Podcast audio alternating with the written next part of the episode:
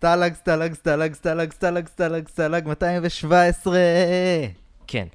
תודה, אורי. כן. נחתוך את זה בעריכה. סטלג 217, עוד פרק. אה, אבל לפני שנתחיל, תמי בר יוסף, מאזינה שלנו, התקשרה אליי לפני שבוע. אה, היא, תמי היא חוקרת באוניברסיטת תל אביב, אה, והיא היסטוריונית, וההתמחות שלה זה שואה וכלבים, אוקיי? זה מה שהיא חוקרת, הכלבים בשואה. והיא הקשיבה, אה, וגם היא, היא חוקרת את הספר אדם בן כלב של יורם קניוק. והיא... למה אף אחד אף פעם לא מדבר על הכלבים? ממש חשבתי שנצליח, תצליח להתאפק, כי כאילו, אני כן, הצלחתי. ראיתי אותך, זה היה כמו לראות מישהו במין. אה, איך זה נקרא? טנטרי? נכשל. אה, בכל אופן, אז... אה, בנוסף, גמרתי על כל השולחן פה. בכל אופן, אז תמי אה, הקשיבה לעונה הראשונה שלנו, של שולץ, וא' היא הרימה לנו, ממש, וואט וואט. ממש, בניגוד לכל המכפישים למיניהם, היא אמרה שהיו לנו אינפוטים ממש מעניינים. היא כנראה לא הקשיבה רוב קשב לא לפודקאסט, אבל היא, אמ- היא מאוד החמיאה לנו, ובזכות הפודקאסט, פעם ראשונה היא יכלה להתוודע, להתוודע לשולץ, ולשמוע מההתחלה עד הסוף את הספר.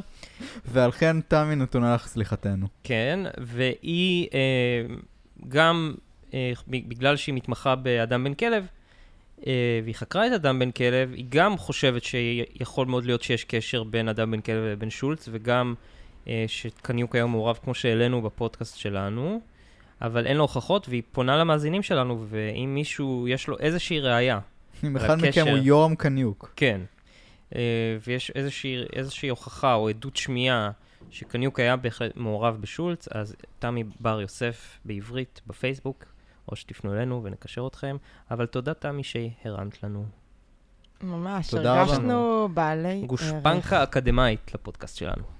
בנוסף, מי שמצא ילדים נטושים מוזמן אה, לפנות אל נאור שמחפש אותם. בנוסף, אמא של אורי התקשרה אליי, מה היא אמרה? ושאתה מנושל מהירושה. למה היא התקשרה אליך להגיד את זה? אני עורכת הדין שבחדר. טוב, אה, מאורעות התקציר, סיימנו תקציר- לו, כן. אה, להכפיש הורים. כן. אה, תקציר הפרקים הקודמים, מלחמה, מטוסים, אה, שבויים, פינים חרוכים, כל השיט הזה. אנחנו זהו, זה התקציר שאתה עם ויק נותן? במחנה, יאללה. ועכשיו הוא הולך להיאנס על ידי לילי. ירדן, בבקשה. פרנקפורט, 1953. לילי הבחינה פה כבר בשעה שחזרה מעבודתה, בחמש לפנות ערב. היא לא יכלה שלא להבחין בו. ברוב עצבנותה הייתה שולחת מבטיה בכל הכיוונים שעה שהלכה ברחוב, ועיניה הבחינו בו ממש ברגע שהייתה מתקרבת אל פתח הבית בו התגוררה. הוא עמד מנגד על המדרכה השנייה, ניצב בפתח חדר המדרגות הקטן ומעשן סיגריה. הוא עמד שעון אל הקיר ונראה שלו בצורה מוזרה, אבל מבטיו ננעצו בה ברגע שהופיע מעבר לעיכול הרחוב ולא סרו ממנה, עד אשר נכנסה לפתח ביתה ונעלמה במעלה המדרגות. משהו התפרץ בליבה של לילי. שעתה במעלה המדרגות בריצה מטורפת, פתחה דלת דירתה באצבעות רועדות, פרצה פנימה, סגרה את הדלת מאחוריה ועמדה שעונה בגבה אל הדלת במשך רגעים רבים, כשהיא מתנשמת בכבדות וכמעט מייבבת. מי זה היה? הוא? היא העלתה בזיכרונה את דמותו של האיש העומד ומעשן בפתח הבית שמעבר לכביש. האם זהו ויקטור בולדר? ויק? אה, לא, אין זה ויק. היא העלתה בזיכרונה את מראה פניו של ויק, כפי שראתה אותו בפעם האחרונה בסטלג 217. אמנם, מה היה כ- מראה פניו? קשה להעביר את העמוד הזה. אמנם עברו 11 שנה מאז, אך לא ייתכן שהשינוי שחל בו בתקופה זו היה כה גדול, בלתי אפשרי, זה לא היה ויק. ויקטור, אתה הוא זה? מתוך פרץ פתאומי של רגשות, ניגשה במרוצה אל החלון הקדמי של דירתה והציצה החוצה. הוא עדיין עמד שם, מעשן בניחותה, נועץ את מבטיו בפתח הבית. הקומה מתאימה, החליטה. זה היה גובהו של ויק, כלומר, פחות או יותר, מבנה הגוף. ויק היה קצת יותר צנום, אך ייתכן שהוא השמין במקצת במשך 11 שנים. זוהי תופעה אפשרית. הפנים או לא, הגיל מתאים אולי, אבל לא מראה הפנים. היא ניגשה לחדר השינה שלה, הוציאה את משקפת התיאטרון מן המגירה, וחזרה אל החלון הקדמי. מבעד למשקפת ראתה אותו בקרבה רבה יותר. פניו היו מונחים לפניה כמעט בטווח הושטת יד. זה אינו ויק לכל הרוחות, לא הוא, אבל ראית איך הוא הסתכל עלייך? ראה אותך בקצה הרחוב ועקב אחרייך במבטיו עד אשר נעלמת בבטח הבית? ובכל זאת, בחור, בחורים רבים מביטים אחרייך בעברך ברחוב. ייתכן שהוא אחד מאלה? ובכלל, צבע שערו של ויק היה... אותו רגע נשא האיש את מבטיו לעבר חלונה וראה אותה. מבטיהם הצטלבו למשך הרף עין. הצטלבו ונפרדו. היא שהפרידה אותם נמלטה, נסה, נסוגה לאחור בזעקה נוראה והפילה את המשקפת ארצה. סגרה את הווילון בתנופה חזקה ונסוגה לאחור. האיש חייך. הוא התחייך בו ברגע שהצטלבו מבטיהם. היה זה חיוך של חיוך של היכרות. לעולם לא אשכח אותך, לילי, תבנית פנייך תהיה חקוקה בליבי עד אחרית ימיי. והאיש חייך אליה מתוך היכרות, ואולי... מתייפחת, חזרה אל החלון והציצה החוצה מאחורי הווילון המורד. האיש עמד שם, עדיין מסתכל לעבר חלונה, כשהבעת פניו אטומה וחלקה לחלוטין. פרט לחיוך הרפה שרבץ מסביב לשפתיו, לא שינה תו מתווי פניו את צורתו. כאילו היו אלה פניו של ספינקס.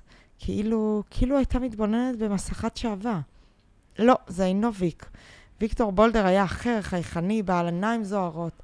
פנים רגישים המשקפים כל רגש, כל הגיג, כל הלך מחשבה.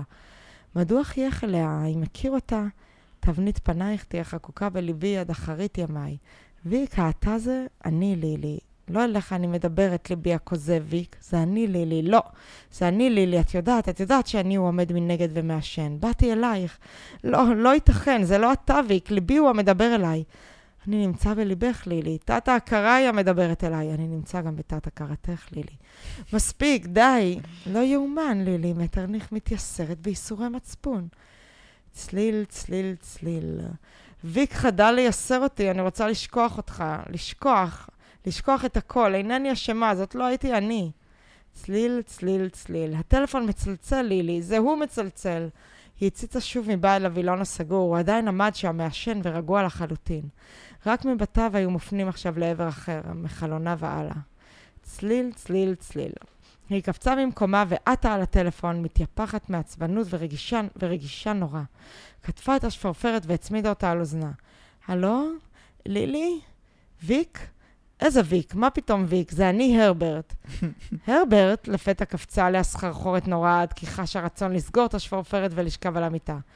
מה קרה לך, לילי? מרגישה ברע? כן, לא, צלצלתי זמן רב עד שזכיתי לתשובה, את נשמעת עצבנית להחריד, לילי. הוא כאן, הרברט. מי, אותו בחור שכתב לך את המכתב? לא, זאת אומרת, אינני יודעת. הרברט, אני עצבנית להחריד. ראיתי מישהו ונדמה היה לי שהוא, אבל לא... עכשיו אני משוכנעת שזה לא הוא. לאיש ההוא היו פנים אחרים, לא ייתכן שזה הוא. אנא, אמור לי שלא ייתכן. מובן מאליו שזה לא הוא, אמר הרברט, אך נימה ספקנית השתמעה מקולו. הוא רק שלח לך מכתב ואמר שהוא מגיע. ייתכן שלא כדאי שאוציא אותך הערב מהבית. ירדן, אני הוציא אותך חייב הערב אה, מן הבית. להגיד שאם היה אוסקר לפודקאסטים, החלק של המונולוג הזה בראש של לילי, מגיע לך אוסקר. זה היה מאוד אני מרגש. רוצה להודות לאימא של אורי, שהתקשרה אליך, נאור, להודיע לך שהוא מנושל מהירושה. אמ, גם מה זה ייתכן שלא כדאי שאוציא אותך הערב מן הבית? היא לא כלבה. לא צריך להוציא... מותר בך בשנות ה- שנת 50 לנשים כבר להסתובב לבד, לא? אה, אפור. לא, הרברט, אני מוכרחה לצאת. אם אשאר פה, אשתגע, אני שומעת קולות מסביבי. קולות? הו, אתה לא תבין זאת, זה נובע מעצבנות. זאת לא עצבנות, לילי, זוהי המציאות, זה אני. הרברט, בוא וקח אותי מכאן. הצעקה פרצה מפיה מנעימת ייאוש קורעת לב. אני נמצא בדרך אלייך, לילי, אמר פרנבורג. בלעי כדור ונסי להירגע. אל תתרגשי יתר על המידה. קח אותי מפה, הרברט. כמובן, לילי, יהיה עלייך לעבור לדירה אחרת עד אשר תחזרי לאיתנך. כן, הבהבה לילי, אינני יכולה להישאר כאן. הקולות האלה... זכור לי חדר במלון, הרברט. בסדר, לילי, חכי לי שם, אני נמצא בדרך אלייך. ובקשר להערב, קח אותי למסעדה הומה, לקולנוע, לטיול במקומות הומים. בשום פנים ואופן לא לבד, אינני יכולה. היא נוכחה כי לא תוכל להמשיך לדבר מבלי לפרוץ בבכי וסגרה את השפורפרת. התנפלה על מיטבתה כשהיא מייבבת מרה כחיה פצועה ומזילה את דמעותיה אל תוך הקר. קר. אוקיי. היה מרגש. זה היה מאוד יפה. אמ, אני לא יודע. היא אורי כאילו- לא עף. כן. היא הייתה פשוט היסטרית. כן. אני- אני חושב שהנקודה שאותה... אה, אני אני מצטער, אבל הייתי צריך לקחת ממך את תפסיקו האוסקר. כגברים אה, לקרוא לנו היסטריות. אני חושב שלא עשית אותה היסטרית מספיק. אני אני מדמיין יש את לך עוד, אה, הענייה... יש לך, אתה לא צריך לטלפון. לדמיין, בוא... אה, לא. בוא תעשה לנו. לא. בוא תמחיז לנו. אוקיי, לא, לא, לא, אני לא. ממשיך. הכוח לא. בידך. נאור שם לנו. את ה... אוקיי, he's putting his foot down. אוקיי, אני הולך לשחק את זה כמו שאף אחד לא שיחק פודקאסט בחיים. לא, לא, בבקשה לא. לא יאומן! לילי מטרניך מתייסרת בייסורי מצפון. צליל, צליל, צליל. ויק, חדל להסר אותי. אני רוצה לשכוח, לשכוח אותך, לשכוח את הכל. אינני אשמה, זאת לא הייתי אני. צליל, צליל, צליל. הטלפון מצלצל, לילי. זה הוא מצלצל. רגע, כבר קראת את הדברים האלה? כן. נכון. לא רוצים להפריע לך. אז איפה איפה אוקיי, עצרת? הבנתי. עצרתי איפה שנגמרה הפסקה, ויש הפסקה, לערוך. לא הפסקה, הפרק, ויש הפסקה אל הפרק הבא. איפה שאנשים שלא עוצרים. באמצע, אה, נאור עוצרים. יש כאן שינויי פונט, ואנשים לא מבינים איך זה, ולקרוא זה קשה, ובכלל לא עברתי את כיתה ב'. יאללה. ויקטור בולדר עמד בפתח הבית, הוא עישן. מבטיו היו נשואים לעבר הקומה השנייה, אל המקום בו ראה את פניה החיוורים מציצים אליו. זאת הייתה היא. הוא זיהה אותה, בו ברגע שהופיע בקצה הרחוב. היא כמעט שלא השתנתה במשך 11 השנים האחרונות. אותה עטרת שיער בלונדיני מטריף, אותו הילוך נשיי מפתה. אותה גזרה. היא ראתה אותו וכמעט שנעצרה. האם זיהתה אותי? הוא פקפק. הפנים השתנו, כמובן, הפנים השתנו לגמרי. ככלות הכל, כיצד היה יכול להופיע כאן עם אותם הפנים? מה, נס... מה, מה, זה, זה שווה באמת? זה מסכה? זה כזה כמו ברודווק, אה, ברודווק אמפייר?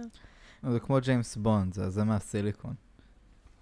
דו דו דו דו בו דו דו. זה עלול היה למשוך תשומת לב. זה עלול היה לעורר סנסציה. חייב היה לשנות את פניו. הוא הצית לעצמו סיגריה חדשה ושוב נשא את מבטיו אל הקומה השנייה של הבית שמנגד. הווילונות היו סגורים. היא חושדת. הרהר. סוף פרק 7 שלך. לא.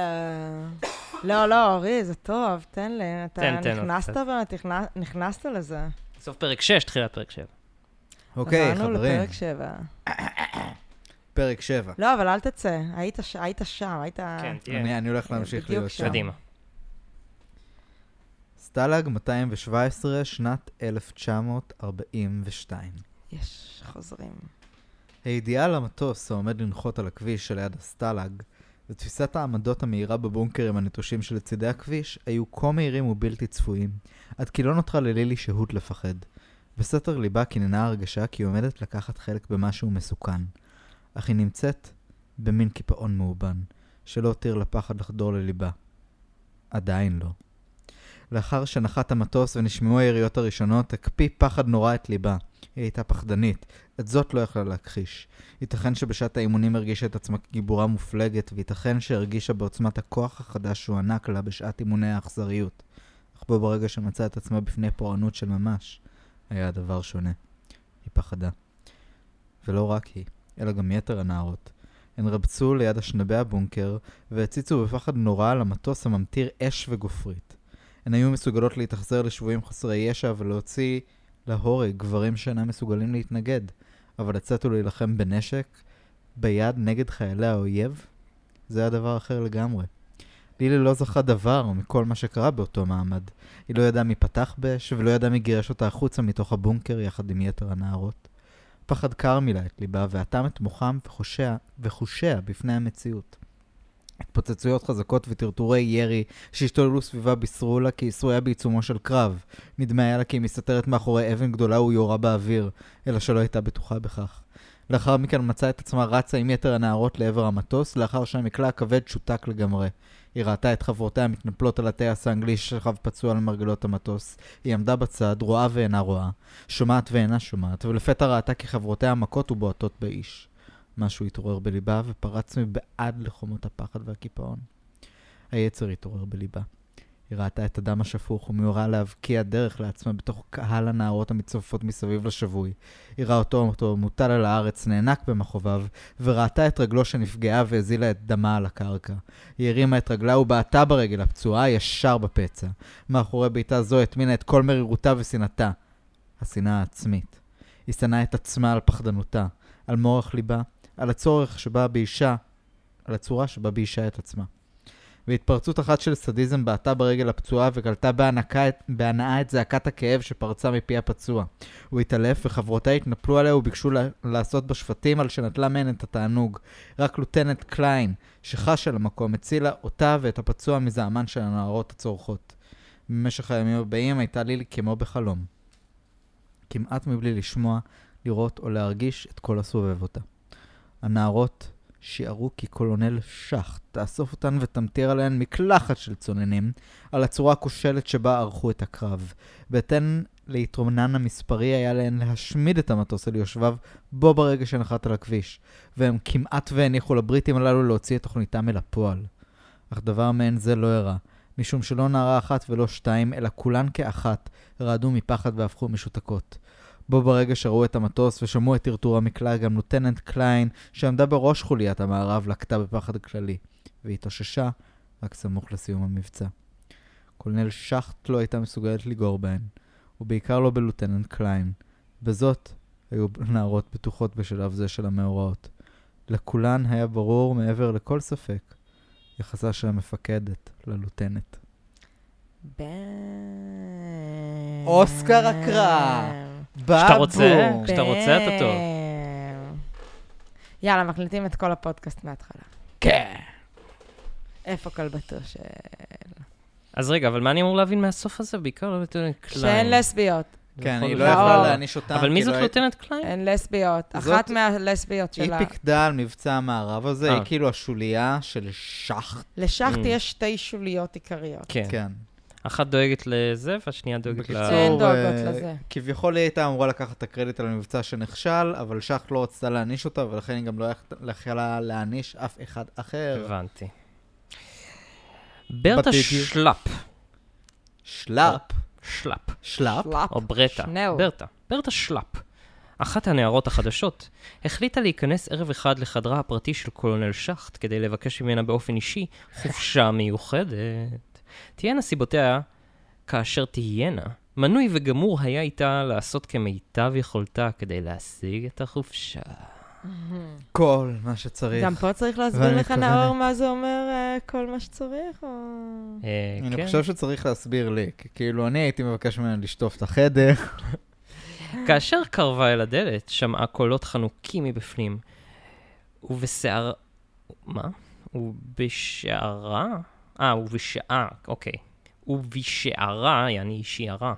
כי זוהי קולונל שחט, השרויה בש... בשיחה עם מישהו, פתחה את הדלת ונכנסה פנימה מבלי לדפוק. אכן מפקדת המחנה הייתה שרויה בשיחה, אך בסוג אחר לגמרי של שיחה. היא לא דיברה עם השפתיים האלה. היא הייתה מונולוגים עירומה. היא הייתה עירומה ממותניה ומעלה, כששדיה הקטנים חשופים ורוטטים לאור המנורה. איתה נמצאה ברט, ברטה קליין, עוד ברטה, שתי ברטות יש פה. ערומה כביום היוולדה. שלאפ תפסה את שתי הנשים במצב מאוד בלתי נעים.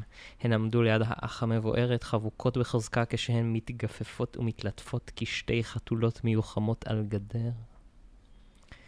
ברטה שלאפ נשארה עומדת על הסף, נדהמת ומבוישת, מבלי לדעת מה לעשות. האם לא למדת לדפוק בדלת לפני שאת נכנסת, נעמה מפקדת? מה רצונך? באתי... באתי לשוחח איתך בנוגע ל... לחופשה? אמרה הנערה המבוהלת. היכנסי וסגרי את הדלת לכל הרוחות. היא נכנסה והקצינה העירומה למחצה ניגשה אליה ובחנה אותה מקרוב בעניין רב. ברטה שלאפ הייתה נערה קטנה ומדושנת, בעלת איברים שופעים וחמוקיים גדושי עלומים. לכמה זמן את רוצה לצאת לחופשה? שאלה המפקדת. ליומיים? אתן לך שלושה ימים אם תסכימי למה שאבקש ממך. אותו ערב... פאנלים. רדי על ארבע. רגע, מה? כן, יש שם אה, לכלוך על הרצפה. אותו ערב מכרה ברטה שלאפ הקטנה את גופה כמו פרוצה חרופה. מה זה חרופה? אני מניח מחרפה. פרצה, פרוצה חרופה, בכדי להשיג את החופשה המיוחלת. אה, כל מי שהיה בצה"ל יודע על מה מדובר. לא היה אכפת לה לעשות זאת, מחמת שהיא התנחמה בעובדה כי בדרך כזאת לפחות לא תוכל להיכנס להיריון בלתי רצוי. Little did she know, uh, הייתה זאת חוויה חדשה ומסעירה לגביה. שלוש נשים ערומות לגמרי משתוללות ומתמזזות ללא רסן לפני האח המבוארת. בתחילה היא הרגישה את עצמה שלא בנוח, וליבה התייסר בהרגשת אשמה ובסלידה פנימית. אך לאט לאט החלה להתעורר בה התרגשות בלתי צפויה. סערת רוחה הגיעה לשיאה בעשה עם שין? אה, בשעה כנראה. בשעה שהושכבה על גבה על גבי הספה, ושתי הנשים המיוחמות החלו לטפל בגופה המדושן כשהן נעזרות באצבעותיהן הרוטטות ובלשונותיהן החמות. מבסוטים? זה נשמע כיף, אני לא אשקר. אתה, אתה מקריא את זה כמו דוח של מס הכנסה. תמכור לי את זה, נאור, תמכור לי את זה. אוהז אז איבדה... תדמיין, אבל אפילו עם קולו כן. הקר והמנוכר של הנרייטור תדמיין. שלנו. אוהז איבדה הנערה הטירונית את כל מוסרותיה והתמכרה בכל לב הנפש לעיסוק החדש. אותו לילה עבר על שלוש הגרציות. אותו לילה עבר על שלוש הגרציות מתוך הפקרות מוחלטת. ובבוקר התלבשה ברטה שלאפ ויצאה מן הצריף חבולה, נרגשת ומבוישת. למה חבולה? אז כנראה יש המון דברים מעניינים. כנראה שאף פעם לא עשית סקס טוב. נרגשת ומבוישת כלשהו, אך לשלושה ימי חופשה, mission accomplished. שלושה ימי החופשה בעיצומה של המלחמה הגדולה היו תופעה בלתי מצויה. כאשר חזרה ברטה למחנה, התנפלו עליה הנערות והחלו לחקור אותה כיצד הצליחה להשיג את החופשה לעצמה. היא ניסתה להתחמק מתשובה בתחילה, אך לבסוף לא עצרה עוד כוח ונשברה תחת הלחץ שהופעל עליה. קולונל שחט היא לסבית. בפונט שונה יש את המשפט הזה. ידיעה זו הסעירה את המחנה הקטן ופילגה את הנערות לשני פלגים. הפלג האחד, סטלג 217 איחוד ו-217 מאוחד.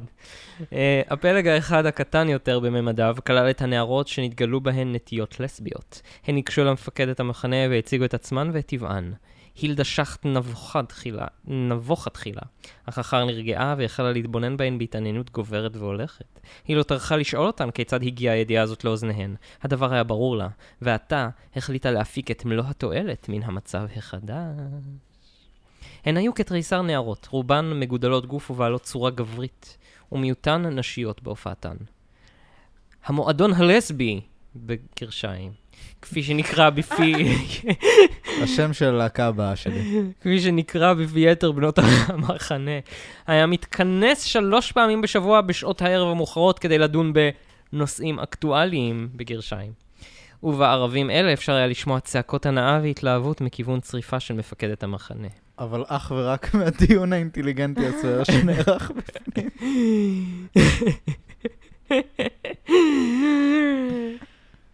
לייבניץ. אה, ברטה שלאפ הקטנה הייתה אף היא מבקרת מפעם לפעם במועדון זה, כי למרות שלא הייתה לסבית מטבעה, הרי זכרו של אותו מאורע מסעיר לו מש מליבה, ואז היה רצונה לחזור לפרקים על היא לא חוויה זו. הייתה לסבית מטבעה, אבל... כולנו לסביות וגייז. יאללה, יאללה. אה, אני לא האמנתי בזה עד שאורי בא לפה בטייץ, ואז הכל השתנה. היא הייתה משתתפת בפעולות המועדון שלוש-ארבע פעמים בחודש, אך באופן רשמי הייתה שייכת לפלג השני. שיחקה על שתי המחנות. אה, שני המחנות. פלג זה כלל את הנשים הנורמליות של המחנה. מוצלח. הן גם לא היו גבריות. אלו הנושאות את מבטיהן אל הגברים, אשר מצידה השני של גדר התיל. לוזריות. יק- מוצלח במיוחד. יקשה לתאר מה עלולה התנזרות ארוכה מגברים לעולה לנשים, ובעיקר לנשים המצטיינות בטבע סוער ושופע יצרים, כמו הנשים הגרמניות. לאחר התנזרות של חודש אחד, הפכו הנשים לזאבות רעבות. הן חשו כמיהה נוראה לגבר, והיו מוכנות לטרוף ולקרוע אישה את רעותה, בגלל עצם הזכרת שמו של גבר. אורי פורט! התופעה הרגילה. בימים הראשונים... בימים הראשונים... מתרווח בכיסו, כן, לוגם. מהמים. בטמפרטורת החדר בכוס שהכילה פעם קפה שחור ועוד נשאר בכתמים. בימים הראשונים עוד ניסו הנשים למצוא עניין בשיחות משכילות על בעיות העולם, במטרה לשכוח את להקת הזאבים המשתוללת בלב פנימה, אך יד הטבע הלכה וחזקה עליהן. עד מהרה החלו רבות מהן לחפש את הנאתן בדרך של סיפוק עצמי, כשהן בוחרות לעצמן כל זמן ומקום אשר בהם שוב לא יכלו להחזיק מעמד כנגד עצמם. מישהו הבין את הפסקה הזאת? כי אני לא... כן, הן מעוננות איפה שהן אה, אה. מוצאות מקום לעונן. בכל זמן ובכל מקום. מתי שזה תוקף אותן, גם באמצע מסדר, אין מה לעשות. זה... בימים כאלה יכולת למצוא בכל קצות המחנה נערות העוסקות באוננות. אה, למקרה שזה לא היה ברור, נאור. מי- הם ראו את הצרכים שלך. בסתר או בגלוי, ורבות מהן לא היו באות עוד במבוכה שעה שנתפסו במעשיהן. בוקר טוב, חי דבמה נשמע. יואו, איך הבלת אותי. אה, ככה הכותב באמת חושב שזה עובד. כזה לאט לאט, אתה יודע, אני- הן אני- קמלות כזה לאוננות. אני מתפלא שאת לא חושבת שככה זה עובד. היית בצה"ל בדיוק כמוני, כאילו... אה, זה לא עובד ככה. מה זאת גם אומרת? כנ"ל לא לגברים. כולם הביאו ביד בכל מקום. נכון, אבל זה לא איך שהוא מתאר את זה, שאתה רואה כזה... בחדר אוכל, אה, כן, הטבח מגיש לך... מחלקה לא מתפקדת, כל אחד כזה גוסס, כי הוא לא קיבל סקס. אני אגיד לך את האמת. כאילו, הוורמס האלה שהם כזה... יש את לא כל. האנשים שתמיד אומרים שכאילו אה, ערבים גומרים בחומוס כשהם מגישים לך אותו. ו- ויש את האנשים שעונים שאם הוא עד כדי כך טעים, אז הזרע הוא חלק חשוב מהמנה. אה, יכול להיות שעדיף שהטבחים בצה"ל היו מביאים ביד באוכל יותר, וזה היה טעים כמו חומוס מסעדות. תודה, אורי. כן. תודה על זה. נשים, אתן יודעות איפה נמצאות. אה, במעשיהו. ואני אוקיי. כן שמחה על ריבוי האוננות הנשית, אין על זה מספיק אה, שיח, כתיבה, מודעות. נכון. כן. נשים תודה, תאוננו ויקטור, שהעלית את זה למודעות. תאוננו יותר. ומותר לכן גם לנסות חוויות לסביות, אם אתן לא לסביות מטבעכן. נכון. זה מותר, אתן נורמליות גם. נכון. הכל מצדיק כולנו שני ימי חופשה. נורמליות. שלושה, קיבלה שלושה. אפס הסיפוק העצמי הלוקה בחס, בחסר מטבע בריאתו. וואו, משפט איזה טוב. לכלוך על אוננות, וואו. ועד מהרה נמתחו עצביהן של הנשים עד קצה גבול היכולת. עתה החלו היצרים לנדוד לעבר השני של גדר התיל, כדי לחפש טרף לעצמם בין הגברים המרוכזים שם. זה היה הפתרון היחיד והמתקבל על הדעת. אמנם פקודותיה של קולונל שחט היו עדיין בתוקפן, והעברייניות היו צפויות לעונשים כבדים, אך מעט מעט גברה יד הטבע על, ידי, על יד החוק. והנערות החלו עושות את דרכן אל מעבר לגדרות התיל כדי לצוד לעצמן גברים ולגרור אותם אל חדריהם. הראשונה הייתה נערה מגודלת וסוערת בשם קרל קלאוס, אשר תוך הסכמה מלאה עם השומרות חדרה אל תוך הסטלג ושמה מערב על אחד השבילים המקשר בין שני הצריפים. כאשר עבר אחד, הש... כאשר עבר אחד השבויים במקום, התגברה עליו הנערה תחת איום אקדח וגררה אותו בכוח אל צריפה. מה שהתרחש בחדרה של קרלה באותו לילה עורר את קנאתן של נערות רבות, ובבוקר המחרת הן ראו את הבחור מתגנב וחוזר אל הסטלג, כשהוא חבוט ותשוש לגמרי. קרלה בחרה לפעול דווקא באותו ערב שבו התכנס מועדון הלסביות, בחדרה של מפקדת המחנה, כך שסיכויי הנפילה בפח היו קלושים למדי. מעודדות על ידי מעשה זה, גמרו יתר הנערות עומר ללכת בעקבותיה של קרלה, אלא שהפעם לא היו חייבות לחדור אל תוך הסטלג כדי לתפוס לעצמן לקוחות. הבחור של קרלה הפיץ חשקל את השמועה בין חבריו והמרד את השמש בליל המחרת.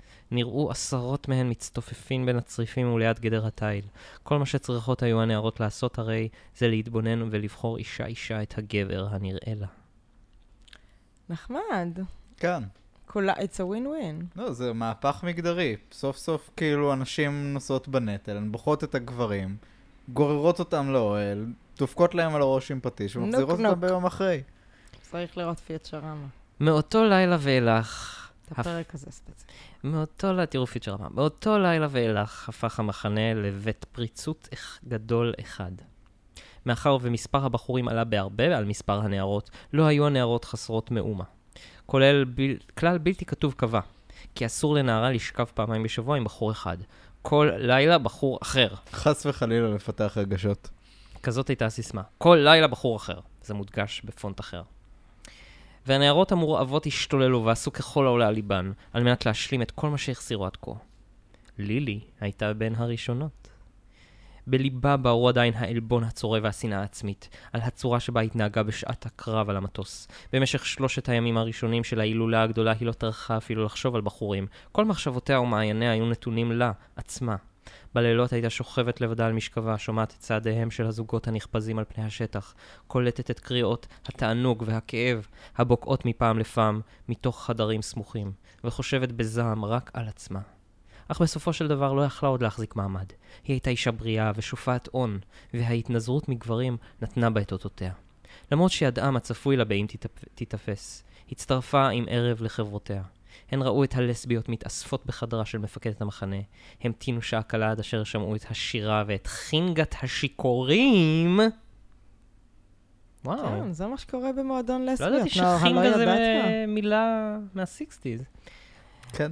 ואת חינגת השיכורים הבוקעת משם, ואז נשאו את רגליהם אל גדרות התיל. הבחורים כבר המתינו שם. לילי חיכתה עד שכל חברותיה נטלו את בני זוגם, ואז בחרה קורבן לעצמה. אכן היה זה קורבן שכן נהיר היה לה, כי תעביד אותו בפרך במשך כל הלילה, על מנת לספק את מטען היצרים הלוהטים אשר נצטבר בקרבה. היא בחרה לעצמה גבר חסון ובריא, מתוך תקווה שהוא יענה על כל דרישותיה. הביאה אותו אל הצריף שלה, וכאשר החלה להתפשט בפניו, נוכחה כי בחירתה הייתה גרועה ביותר. הבחור היה אמנם חסון ושופע הון גברי, אך גם הוא התנזר זמן רב מבחורות, והתלהבותו הייתה כה גדולה, עד כי לא היה מסוגל למשול בעצמו. לא הבנתי. סתם, הוא גמר. סתם, סתם. הם אה, יגידו לנו את זה בשורה הבאה. הוא גמר לפני ש... לאחר מכן הוכחה לדעת כי הכל לשווא. פקדה עליו להתלבש וגירשה אותו מן החדר בכעס שפוך. No pun intended. Uh, כל הלילה נגזר עליה למצוא את סיפוקה הערירי. מחר אטיב לבחור יותר מהיום, הבטיחה לעצמה. מחר אקח לעצמי בחור שהתנסה כבר עם אחת מחברותיי. הוא יהיה נרגש פחות וידע להקנות לי את מחסורי. אלה היו תוכניותיה ליום המחרת. אלא שלילי המסכנה לא ידעה מה ילד יום. ירדן שר. מה הוא ילד? כאילו, זו, זו הייתה סצנה נורא יפה, אני חושב שלא התעכבו כן. עליה מספיק. זה היה אחד הפרקים הטובים עכשיו. שהבן אדם מגיע לשם, וכאילו... הוא מתבייש, היא מתפדחת בשבילו, היא כזה, הכל בסדר, הוא כזה, אל, אל תהרגי אותי, והיא כזה, אני לא אהרוג אותך, זה, זה יהיה אפילו יותר מביך בשביל שנינו, כאילו, פשוט לך מכאן ובוא נשכח שהדבר הזה קרה. הוא כזה, כן, בסדר, אני עונן עכשיו, אם זה בסדר מבחינתך, או שהיא אפילו לא שואלת. בבקשה, ירדן. למחרת הועברה לילי לתפקיד חדש. היא הוצאה מן המשמרות המופקדות על ביטחון המחנה והועברה ליחידת המשמר המוגברת האחראית על עובדי חוץ. כשבוע ימים לפני כן הגיעה פקודה בכתב לפיה נדרשת מפקדת המחנה להקציב יום-יום 250 שבויים לשם ביצוע עבודות כפייה בבניית ביצורים לא הרחק מן הסטלג. נראה היה כי המפקדה העליונה החלה לחשוש כבר מפני פלישה קרובה לאירופה, והחליטה לקדם את פני הרעה על ידי רשת ביצורים ובונקרים לכל רוחבן של ארצות השפלה וצרפת. סטלג 217 הפריש בתחילה 250 איש לעבודות אלה, ותוך חודש ימים עלה מספר העובדים ליותר מאלף. בוקר בוקר היו עובדי הכפייה יוצאים לעבודתם בטור ארוך, כשיחידה של כמאה נערות אס אס חמושות מלווה אותן. קו הביצורים מתמשך במרחק של כשני קילומטרים מן המחנה, וההליכה לשם וחזרה היוותה את עיקר עבודתן של הנערות. במשך כל יתר שעות היום היה עליהן לשבת על אבנים גבוהות כשתת מקלעים בידיהן, ולשמור על העובדים לבל ימלטו. ההשגחה המקצועית על העבודה הייתה נתונה בידיהם של קבלנים אזרחיים, שהיו קפדניים מאוד ולא נרתעו מלהכות את השבויים העצלים במידה ולא הספיקו למלא את מכסת העבודה היומית. שלוש פעמים ביום היו השומרות עורכות מפקד ספירה במקום. יש לך חיוך סדיסטי מרושע, ירדן. היא יודעת מה מגיע. אני לא, אבל זה נחמד. כי גם האזרחים היו, כאילו, כולם סדיסטים בספרים האלה, אז. Uh, שלוש פעמים ביום היו השומרות עורכות מפקד ספירה במקום כדי להיווכח אם אחד השבויים לא הצליח להימלט מבלי שהרגישו בכך, והמפקד נערך, והמפקד נערך שוב בשעת השיבה למחנה. מבחינה זו לא ששה לילי על העברה. הבטלה הנוראה הכרוכה בשמירה על העובדים הפחידה אותה. כאשר נכללה במשמרות הסטלג, הייתה מסוגלת לחזור לחדרה אחרי שש שעות שמירה כדי לקרוא, להתרחץ, לקרוא מכתבים, לכתוב מכתבים ולעשות ככל העולה על רוחה. אך יחידת המשמר היוצאת עם העובדים הייתה מתבטלת במקום העבודה במשך עשר שעות ליום, ודבר זה לא היה לרוחה. אלא שהבחירה לא הייתה בידה, ובאותו בוקר סגרירי יצאה לדרך במורת רוח גלויה. היא הייתה נרגזת לא רק בגלל ההעברה הבלתי צפויה, אלא גם בגלל האכזבה העמוקה שנחלה בלילה הקודם עם הבחור שבחרה בו. היא הייתה שרויה בכעס היום. כאשר הייתה אחת מחברותיה פונה אליה בדברים, הייתה לילי מתפרצת בצעקות כעס וחימה. ואוי לו לשבוי שהיה מעורר את זעמה. לפיכך נקה להבין את הכעס שהתעורר בליבה, כאשר ראתה את מבטיו החצופים של השבוי הבריטי. היא לא ידעה כמה זמן היה מתבונן בה, אך משהבחינה בו, ניכר היה כי הוא מביט בה מזה זמן רב. היה זה בשעת ההליכה הארוכה אל קו הביצורים, והיא ירתה בו מבט של קוצר רוח והסבה את מבטיה ממנו והלאה. עשר דקות לאחר מכן עברה לידו ושוב ראתה את מבטיו נעוצים בפניה. השבויים היו מהלכים בשלשלאות, בשלשות לאורך הדרך הכבושה, והנערות הפסיעו מעבריהם כשהן מחזיקות את תתי המקלעים הטעונים. לילי עברה לצעוד בקצב אחיד לצד האיש ואמרה לו בקול חרישי, מדוע אתה מסתכל בי כך? הוא הביט בה במבט מלא יהירות. מפני שאת מוצאת חן בעיניי, אמר. אבל אתה אינך מוצא חן בעיניי וחדל להסתכל. האם זה ברור? יהול, לא אמר האיש בבדיחות דעת. מה? יוול. יוול. איך הם אומרים את זה? אני לא- יוואלי. לא, יואלי. זה לא. יוואלי הייתה- הגרמני. היא הייתה משוכנעת כי הוא מתבונן בה. מתוך חמדך רגע, אתה איתי את המילה שהוא ענה לה? י' ה' ו' ל'. היא מוכרת מאוד. כל סרט גרמני שומעים את זה. יהול? יוול. טוב. ואני לא יודע איך מבטאים את זה נכון, אנחנו צריכים גרמני בית בפודקאסט, אבל אה, אוקיי. היא מוכרת, כן. היא הייתה משוכנעת כי הוא מתבונן בה מתוך חמדה מינית, בתקווה כי תא- כי תאות להזמין אותו בערב אל חדרה. דבר זה לא מצא חן בעיניה כל עיקר, היא לא הייתה רגילה שיבחרו בה, מאז ומתמיד היא הייתה בוחרת בעצמה את הזכרים שלה. לא הייתה, אבל לא הייתה באפשרותה, אפש, אה, לא הייתה באפשרותה, ב, לא היה באפשרותה להתעלם ממבטו העיקש של השבוי. הוא היה אנגלי, צורת דיבורו ומבנה פניו העידו על כך כאלף עדים, אך במובן מסוים היה שונה לחלוטין מיתר חבריו. פניו היו חמימים יותר ודיבורו, ודיבורו נעים יותר. והיו לו שיניים טובות, בניגוד לאנגלים אחרים. היא הוא שכחה לא עשה אותו, כל כך הרבה. היא שכחה אותו שעה קלה לאחר שהגיעו לקו הביצורים. הקבלנים האזרחיים כבר המתינו להם במקום ומיד פיצלו את השבויים לקבוצות קטנות, ופיזרו את הקבוצות השונות לאורך הקו, שאורכו היה כ-600 מטר.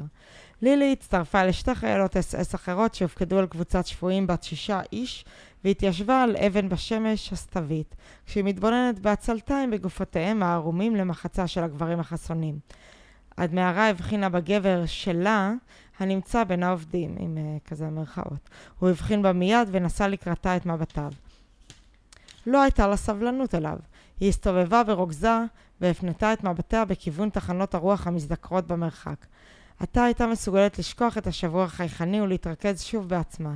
אכזבתה האישית לא נתנה לה עדיין מנוח, ואפילו כיום הייתה מסוגלת לחשוב במשך שעות רבות על עצמה בלבד. בשעת המפקד של שעה עשר נוכחה כי עלה מתבונן בה שוב, במבט עיקש וחסר ויתורים. היא נאלצה להודות כי הוא היה הינו יפה תואר, הגם שיופי מסוג זה לא היה לפי רוחה. הוא היה עדין מדי, ואילו היה אהבה יופי עז וגרמי יותר. יותר צפוני, כפי שנהגו לכנות אותו בגרמניה. היא ירתה בו מבט מזרה אימים בתקווה להפחידו, אך הדבר לא עזר לה. הוא לא גרע את מבטיו ממנה אף לרגע.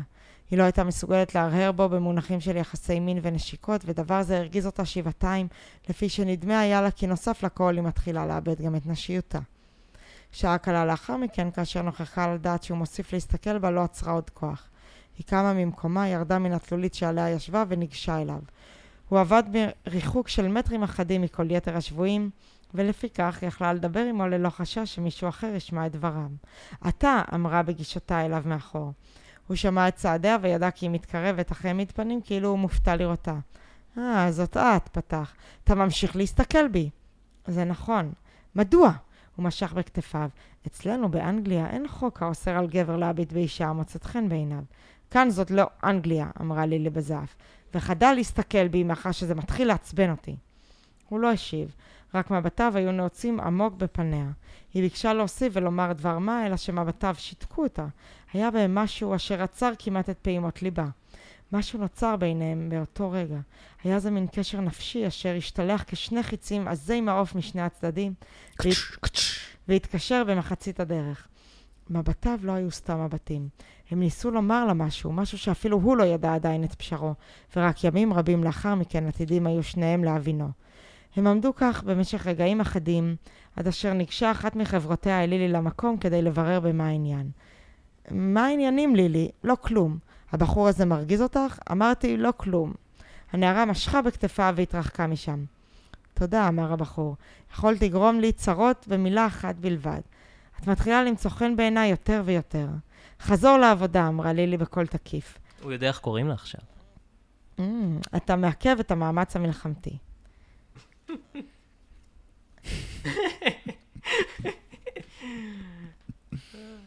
מעינייך אני רואה שעינך אדישה כלפיי כל עיקר, אמר. מה דעתך על הלילה? מה? את יודעת, אני, אני מוכן לערוך ביקור לילי בצריף שלך אם אינך מתנגדת. חצוף! קרא לי בזעם. האם גם באנגליה אתה בא בהצעות מסוג זה אל הנערות? האנגליות אינן זונות, אמר הבחור בפשטות. הדם גאב לתוך פניה של לילי. הינן או אינן? אינן. Mm, זה היה נשמע כמו הינן? כן. לא. זה היה נשמע כמו הינן? היה גבולי כאן. יש! אז עכשיו אורי ימשיך לקרוא בהגה נכון, כי אני חייבת uh, ללכת לשתות. איפה אנחנו?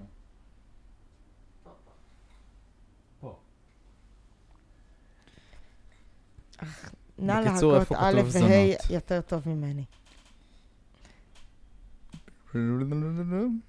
לא. לא, מימין, למטה. לא, לא, לא, אז. הכי למעלה שם אה, משמאל, למעלה? אוקיי, הוא לא השיב, רק מבטיו היו נעוצים עמוק בפניה. היא ביקשה להוסיף ולומר דבר מה, אלא שמבטיו שיתקו אותה. היה בהם משהו אשר עצר כמעט את פעימות ליבה. משהו נוצר ביניהם באותו הרגע. היה זה מין קשר נפשי אשר השתלח כשני חצים עזים. ידעתי שכאילו כבר עברנו את הקטע הזה. לא. אמ, כן. עברנו? את זה. הצבעתי לך איפה, שם למטה. לא, תצבט לי כאן, אני לא. בכלל בקצה השני. יאללה, יאללה, תתמודד. תהיה גבר, תהיה גבר אנגלי הבנתי מה קרה ותתמודד. כאן. אוקיי, אני פשוט אגיד את הדבר שהכי רציתי להגיד. זונה! אם הייתה בעולם מילה שנואה לה יותר עד עומק נשמתה, הרי זו המילה הזאת. Mm, זה החזיר אותה לטראומות מהבית ספר. כן. ייתכן שהייתה זאת הרגשת אשמה תת-הכרתית. בתקופת לימודיה בגימנסיה הייתה מתמסרת לליטופיהם פה אנחנו לא צריכים לחשוב על שום דבר לבד. של הבחורים ללא מעצור, ורק לעיתים רחוקות הייתה זוכה לחזור הביתה מבלי שזכר, מבלי שזכר מגעיו הלוהטים של גבר בגופה העירום יצרוב את נשמתה. פעמים אחדות הייתה תוהה מהו ההבדל המעשי בינה לבין זונה פשוטה, פרט לעובדה שהיא מקבלת שכר כספי עבור מעשיה. מחשבות כמוסות נראה לי אלו שזה ההבדל. נחרטו בלבבה כהרגשת מה ההבדל אשמה בינינו, בלתי רק מודעת. שהיא מקבלת כסף. אז מה ההבדל? טוב, הפסיקו לה את הלימודים באמצע כי גייסו אותה לאס-אס, בואו.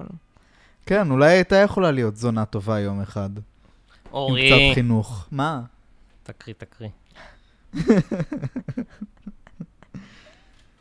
מחשבות כמוסות אלו נחרטו בלבבה כהרגשת אשמה בלתי מודעת, אשר הייתה פורצת החוצה שוב ושוב בכל הזדמנות אפשרית. זאת הייתה אחת ההזדמנויות הללו, ולילי הגיבה בחומרה רבה, עוד בטרם עלה בידה להבין מה היא עושה. ידה הונפה והונחתה בכוח עצום על לחיו של השבוי. הסתירה החזקה צלצלה בתעודה עזה על פני השטח. כל העובדים הפסיקו את עבודתם ויזקפו כדי לראות את המתרחש. האנגלי לא נע ממקומו. הוא איטה מעט את ראשו לאחור, כיווץ את שפתיו ואמר חרש, את באמת זונה. זונה ארורה. היא הרימה את ידה וסתרה לו לחיו השנייה, בגב היד. ביץ' סלאט! כן. הפעם הוא לא החריש. הזעם התפרץ על פניו והוא התנפל אליה והפילה ארצה במכת אגרוף חזקה. אחר בראותו כי היא מרימה את נשקה מולו. שילח את רגלו ובעט בחוזקה בידה הימנית, בהשליכה את התת מכלל למרחק של מטרים אחדים. הוא ביקש להוסיף ולבעוט בבין צילותיה, אלא שבאותו רגע הופיעו שתי שומרות אחרות מאחוריו, ואחת מהן שלחה את רגלה הממוגפת, והנחיתה בו בעיטה חזקה ומדויקת בין רגליו. הישר רק דבר, במפסעתו. מגיע לו, הוא רצה להרביץ לה, לא מרביצים לאנשים. כל פעם שגבר עושה משהו לא טוב במחנה זה בום, בעיטה לביצים. יודע מה כל פעם שגבר אומר זונה? ש- שיבעטו לו בביצים. אני חושב שככלל חברתי אפשר כאילו לעמוד אתה מאחורי זה. קראת לי זונה לפני ההקלטה. לך מותר. אה? גם- אני, אתה, אתה מתלונן שקראתי לך זונה, אבל לא התלוננת כשנתתי לך כסף. אה, הוא השמיע זה נקן... היה מוצלח, אני חייבת. אה. הוא השמיע נקן אשפנית וצנח ארצה. שתי הנערות התנפלו עליו והחלו להפליא את מכותיו. את מכותיהן, אני מניח. הן העניקו לו כהנה וכהנה בעיטות בגבו ובצלותיו. אחר החלו להלום בו בכתות התת-מקלעים. לילי קמה על רגליה וביקשה להצטרף אל הנערות הזוהמות. אך משהו עצר בעדה. היו אלה מבטיו של הבחור. היא זכרה עדיין היטב את מבטיו האנושיים החמים, הנוגעים ללב. לא! צעקה. מספיק. הוא העליב אותך והרים עלייך יד, אמרה אחת הנערות. אנחנו חייבות להפוך אותו לאות ולמופת כדי שלא ישנו מקרים כאלה בעתיד. לא, אמרה לילי. הרפו ממנו. הנערות חדלו להכות, והבחור התרומם לאיטו על רגליו, כשהוא מתנשם בכבדות ומוחה את הדם הניגר מאפו ומפיו. מה את רוצה לעשות בו? שאלה אחת הנערות. אני? שום דבר. נניח לו להשלים את יום העבודה, אחר נביא אותו אל קולונל שחט. נניח לו להחליט מה לעשות בגיבור זה. סצנת ההתאהבות, מאז מלך האריות 2 לא ראיתי כזאת סצנה. It's the circle of לא, זה love is in the holocaust. סטלג 217. מאוד רומנטי זה היה. מאוננים בכל פינה במחנה. עד שמאיר היום. טוב. אה, אותו ערב היה המחנה כחרדת אלוהים. כאשר חזרו לילי וחברותיה מקו הביצורים, בהשיבן את עובדי הכפייה לצריפיהם, היו נערות האס-אס מתרוצצות על פני המחנה, כשהן משוחחות זו עם זו בהתרגשות גדולה, ופני כולן אדומות. ברור היה כי משהו איום מרחף על פני המחנה. מה קרה? שאלה לילי. קולונל שח תפסה את גרדה טילברט עם גבר. הידיעה הכתה את לילי בתדהמה. איכס דוחה. לפי מיטב ידיעתה, הייתה במחנה רק גרדה טלברט אחת.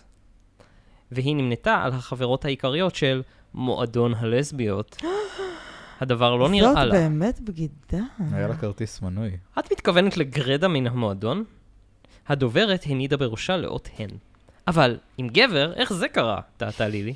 אל תשאלי אותי, מן הסתם התחשק לה לפתע להתמזמז גם עם בני המין השני. אילו הייתה עושה זאת בלילה, מילא. אלא שהמטומטמת הזאת החליטה לעשות זאת באמצע היום. המפקדת הציצה דרך חלונה וראתה את גרדה גוררת את אחד השבויים לחדרה. היא המתינה שעה קלה אחר יצאה ממשרדה, ניגשה אל צריפה של גרדה, והתפרצה פנימה מבלי לדפוק בדלת. את יכולה כבר לתאר לעצמך באיזה מצב היא תפסה אותם. למה אף אחד אף פעם לא דופק? היכן הם עכשיו? היא הכניסה אותם ישר לצינוק, כמות שהם, ערומים לגמרי. היא הריצה אותם על פני החצר, ובמו ידיה חבטה באחוריהם החשופים. אתה מדמיין את זה? כאילו, הם רצים והיא... היה, היה. כן, אני יודע. זה גם נשמע עונש. כאילו די אחלה. לבד בצינוק, תמשיכו כאילו... כן, לפחות יש בזה קינק. כן. היא הכניסה אותם לישר לא, לצינוק. הוא לא מסכים איתה. כמות שהם, עירומים לגמרי. היא הריצה אותם על פני החצר, ובמו ידיה חבטה באחוריהם החשופים. היא הייתה נרגזת במיוחד מפני ש... הלוואי זה עליי. קינקי, כן, כן. לגמרי. היא הייתה נרגזת במיוחד מפני שגרדה הייתה אחת הקבועות שלה. לא נעים. אינני מקנאה בבחור, אמרה לילי. ואני אינני מקנאה בגרדה, אמרה הנערה. קולונל שחט תעשה בשפטים, כאות ומופת לכל הבחורות אשר תעזנה לבגוד בה בתחומי המועדון.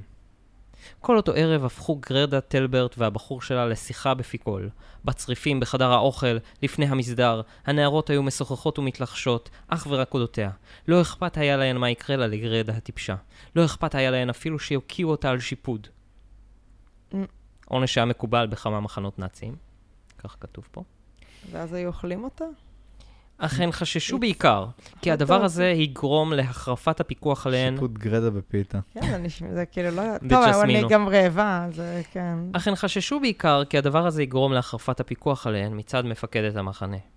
במשך הימים האחרונים הן הרגישו את עצמן חופשיות ביחסיהן עם הבחורים, וצעקות ההוללות הבוקעות מצריפה של המפקדת היוו ערובה מוחלטת לביטחונן האישי. עתה הן החלו להריח את השינוי הקרוב, ועל זאת היו מוכנות לקרוע לגזרים את גרדה במו ידיהן. הפתרון לבעיה ניתן בשעת מפקד הספיר... הספירה של הערב. הסתבר שקולונל שחט החליטה לענוש קשה את גרדה והגבר שלה, אך עדיין לא הייתה לה סיבה לחשוש, כי פריצות זו הפכה לתופעה של קבע בתוככי סטלאג 217.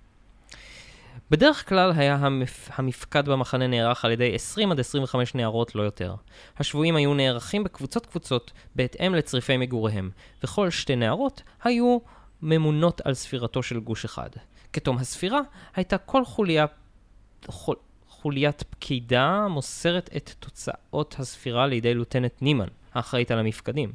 זו הייתה מסכמת את התוצאות ובודקת אם שוות הן למצבת השבויים הרשמית של המחנה. במסדר הערב של אותו יום החלו שני, חלו שני שינויים יסודיים. ראשית, קולונל שחט בכבודה ובעצמה העמידה את עצמה כאחראית על הטקס. שנית, כל נערות האס-אס נצטוו להיות נוכחות במסדר כשהן עומדות במעגל רחב מחוץ למחנה מאחורי השבויים, מעברה השני של גדר התיל. ברור היה לכל כי הדבר קשור בתפיסתם של גרדה טלברט והבחור שלה. המפקד נערך במהירות ובדייקנות, ולאחר שמפקדת המחנה השוותה את, תוצא, את התוצאות לשביעות רצונה המלא, פקדה להביא את שני העבריינים מן הצינוק. מה הולך לקרות? גרדה... לא, באמת סתומה קצת הגרדה הזאת, כן? כן, כאילו- לאור יום.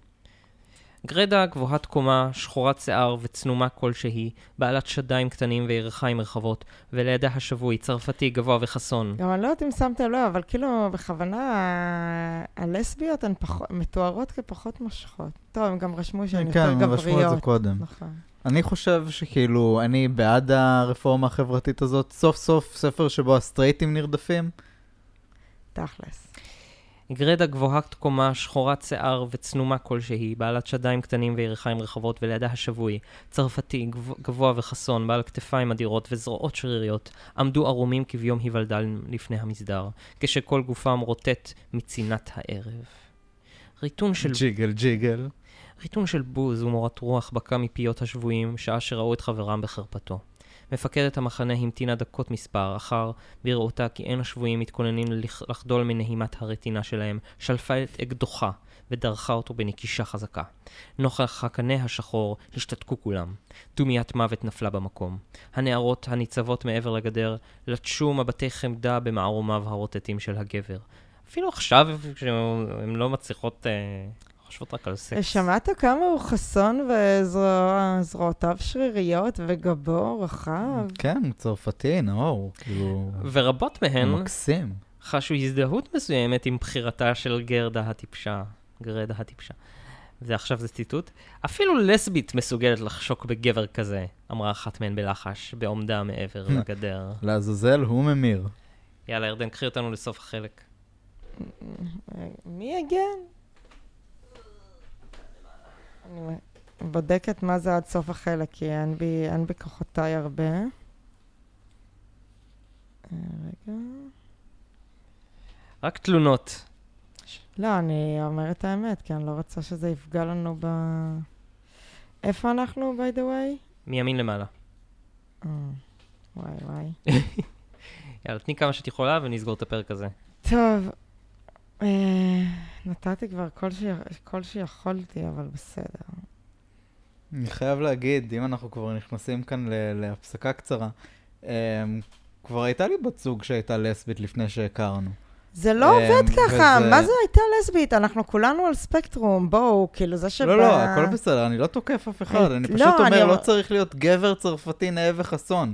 לפעמים גם אורי מספיק, ואלוהים יודע שזה לא הרבה. לא, זה פשוט, זה לא הייתה לסבית או תהיה לסבית. אני יכולה להיות עם בחורה ואתה יכול להיות עם גבר, וזה לא הופך אותך רק... כאילו, אתה לא חייב להיות...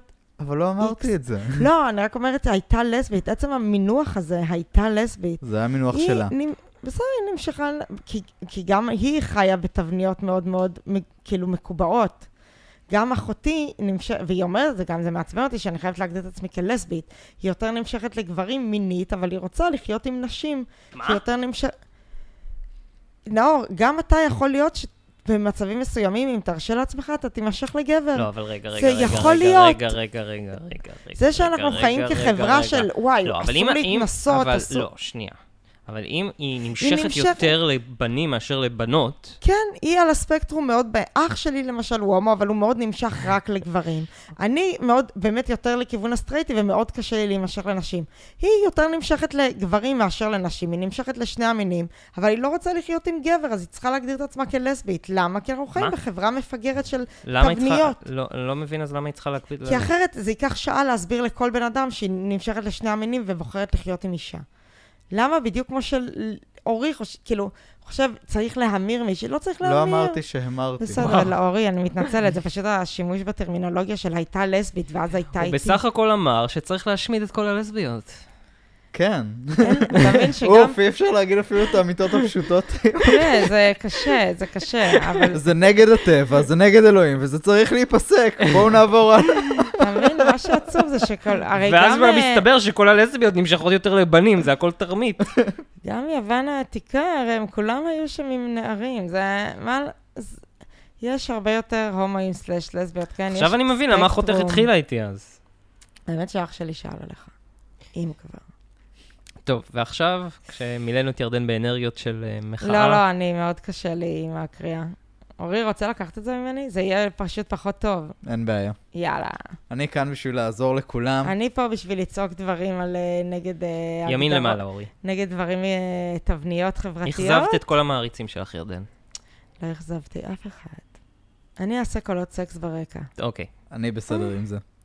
קולה של מפקדת המחנה רעם לפתע בחלל האפוף יבשת מתיחות. הביטו עליהם. אינני חושבת שיש צורך לספר לכם מדוע הם עומדים כך לפניכם. אני משוכנעת שכל אחד מכם שמע כבר את, את סיפור המעשה. איש לא הגיב, איש לא ענה. שתיקה כבדה ירדה על המחנה, וחששות כבדים מפני הבאות. תפסתי שניים אלה בשעה שהיו מקיימים יחסים מיניים, אמרה המפקדת, וזאת בניגוד להוראות הקיימות, וכולכן יודעות ויודעים מהן ההוראות. ערכתי לשניים משפט בזק, מצאתי אותם אשמים. בהתאם לספר החוקים של האס-אס, יהיה עליי לשפוט את הבחור ל-30 מלקות פרגול ולעשרה ימי מאסר בצינוק. את הנערה שפטתי לגירוש בחרפה מן הצבא, ולמאסר של שלוש שנים עם עבודת פרך. החמרתי בעונשה במיוחד מפני שברור היה לי כי במקרה זה היה האשם העיקרי בה, ולא בו. היא מתנקמת בגרדה, לחשה לי לחברתה. אהה. היא מבקשת להפחיד את יתר חברות המועדון. אך ההרגשה הכללית הייתה הרגשה, הרגשת הקלה. תחילה חששו כולם מפני עונש חמור הרבה יותר, הן לגבי הנערה והן לגבי הגבר.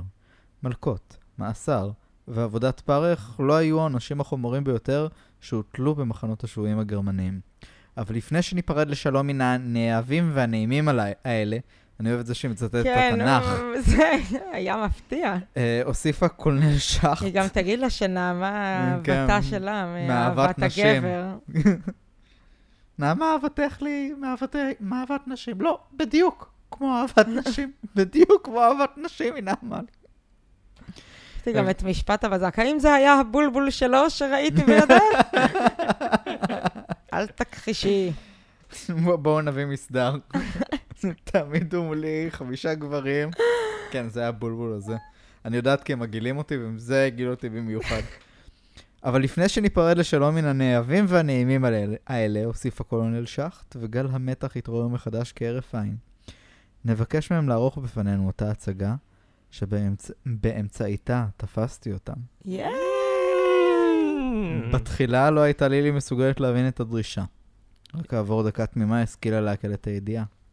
המפקדת ידעה כי עונשי גוף, ולו גם הקשים ביותר, לא ירתיעו את נער... נערותיה המורעבות מפני גרירת בחורים לחדריהן.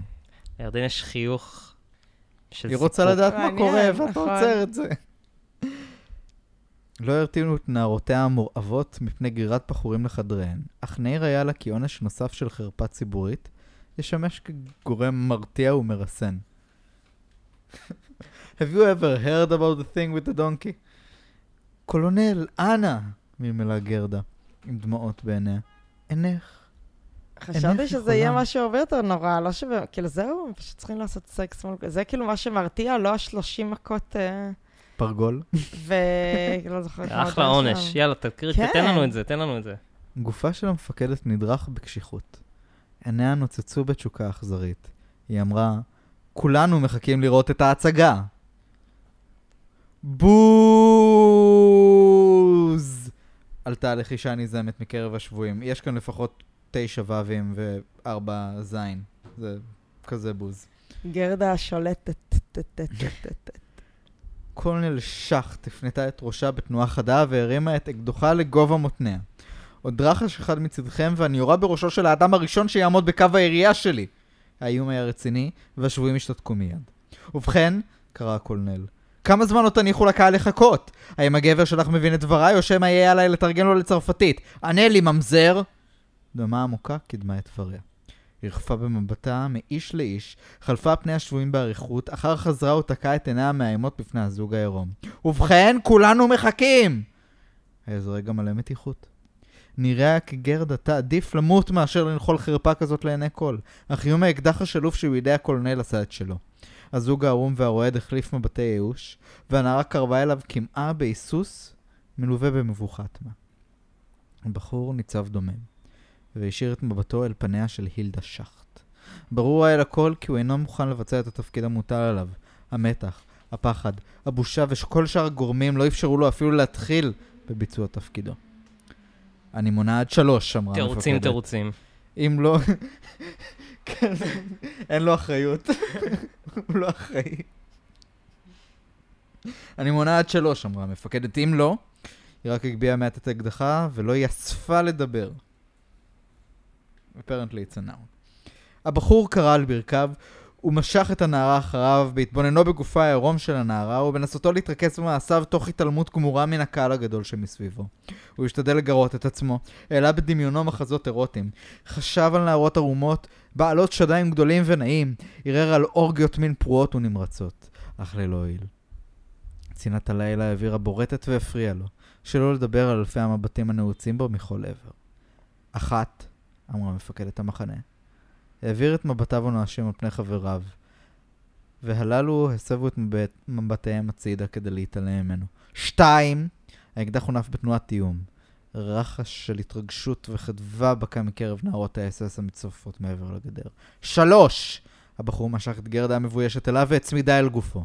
הוא קיווה שחום גופה של הנערה יעורר אותו במקצת, אך גופה היה קר כקרחון. הוא כמעט פרץ בבכי מרוב חרון, אין אונים ובושה. ובכן, קראה המפקדת, לא כך תפסתי אתכם הבוקר, לא כך. היכן כל המרץ וחדוות העלומים שבכם? איש לא יודע איזה כוח עליון דחף את השבוי הצרפתי. תנועותיו היו מוכניות, וכעבור דקות ספורות טפחה לו מפקדת על שכמו ואמרה בסדר, אתה יכול להפסיק. וצחוקה הדהד בחלל ההפוך, זעם ומרירות, כשהוא מצמרר את האנשים הדרוכים. שניים קפצו ממקומם ונסו משם. נערות האסס ליוו אותם בצעקות ושריקות. השבויים התפזרו בשתיקה מוחלטת. כשהרגשת המועקה שוררת בכל לב, החרפה שהועטה על, חבר... על חברם הייתה העונש הכבד ביותר שמפניו יכלו לחשוש. היה זה מעשה בלתי אנושי. ברברי במידה שאין לתארו במילים. הם לא קראו את אה, הייתי כלבתו הפרטית של אה, קולנל הם רק היו שולץ, יודעים, אה, כן. אם הם חושבים שזו חרפה. חברים, אתם בסטלג 217, יש עוד 216 לפחות. אמ, החרפה שאותה על חברם הייתה העונש הכבד ביותר שמפניו יכלו לחשוש. is it? is it though? כאילו, אוי לא, קצין צרפתי, נתפס בשבי, הכריחו אותו לשכב עם גרמניה מול כל המחנה. איזה באסה. כן, הם לא כל כך מבינים כאילו מה קורה שם בעולם. כן. היה זה מעשה בלתי אנושי, ברברי במידה שאין לתארו במילים. אותו לילה התאבדה גרדה טלברט. או, לא. היא חתכה את ורידי ידיה באמצעות שבר זכוכית, אוי, לא, זה נהיה ודמה. נזל ואזל מגופה. עד אשר נפחה את נשמתה בעין מושיע. אותו לילה ידדו בכל המחנה זעקותיו של הצרפתי המעונה, שעה, ש... ש... שעה שהיה סופג את שלושים המלכות שלו. הוא חזר אל צריפו כתום ימי הצינוק שלו, וזכה לאהדתם והזדהותם המלאה של חבריו. איש מהם לא העז להזכיר לו את המאורע המחפיר, ואיש לא ניסה לדבר עמו בניגוד לרצונו. כזה היה הנוהג בין שבויי סטלג 217. הקורבן זוכה תמיד לאהדה אילמת ומסתייגת, כי לאחר הכל, מי יודע אם מחר לא יהיה זולתו הקורבן, ולמה לבזבז את כל מלאי הרחמים על אדם שמחר ייאלץ להביט בך במבט עטוף חמלה. וואו. מה אומרים?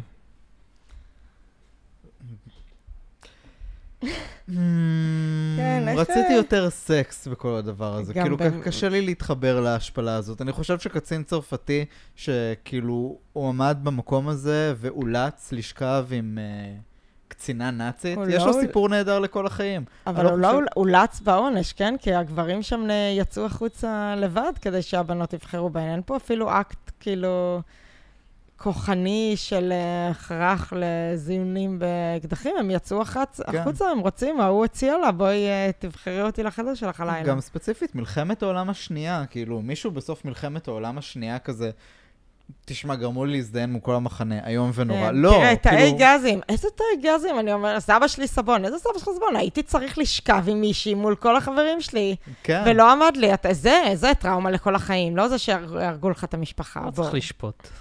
כל לא, אחד אז והטראומה אפשר שלו. לשפוט. אפשר זה לשפוט. הדבר הכי נורא שאפשר, גם היא כותבת חוסר אנושיות, הדבר הכי גרוע שאפשר להעלות כן, על הוא מאוד הדעת. ניסה לשכנע אותנו. זה ב- לא.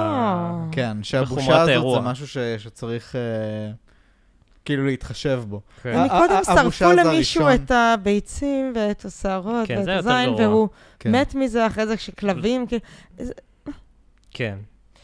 אבל, אבל איך אתם מסכמים את הספר עד כה? אני אוהב אותו, אני חושב שבכל הספרים שקראנו, יש כאן הכי הרבה going on. כן, בהחלט.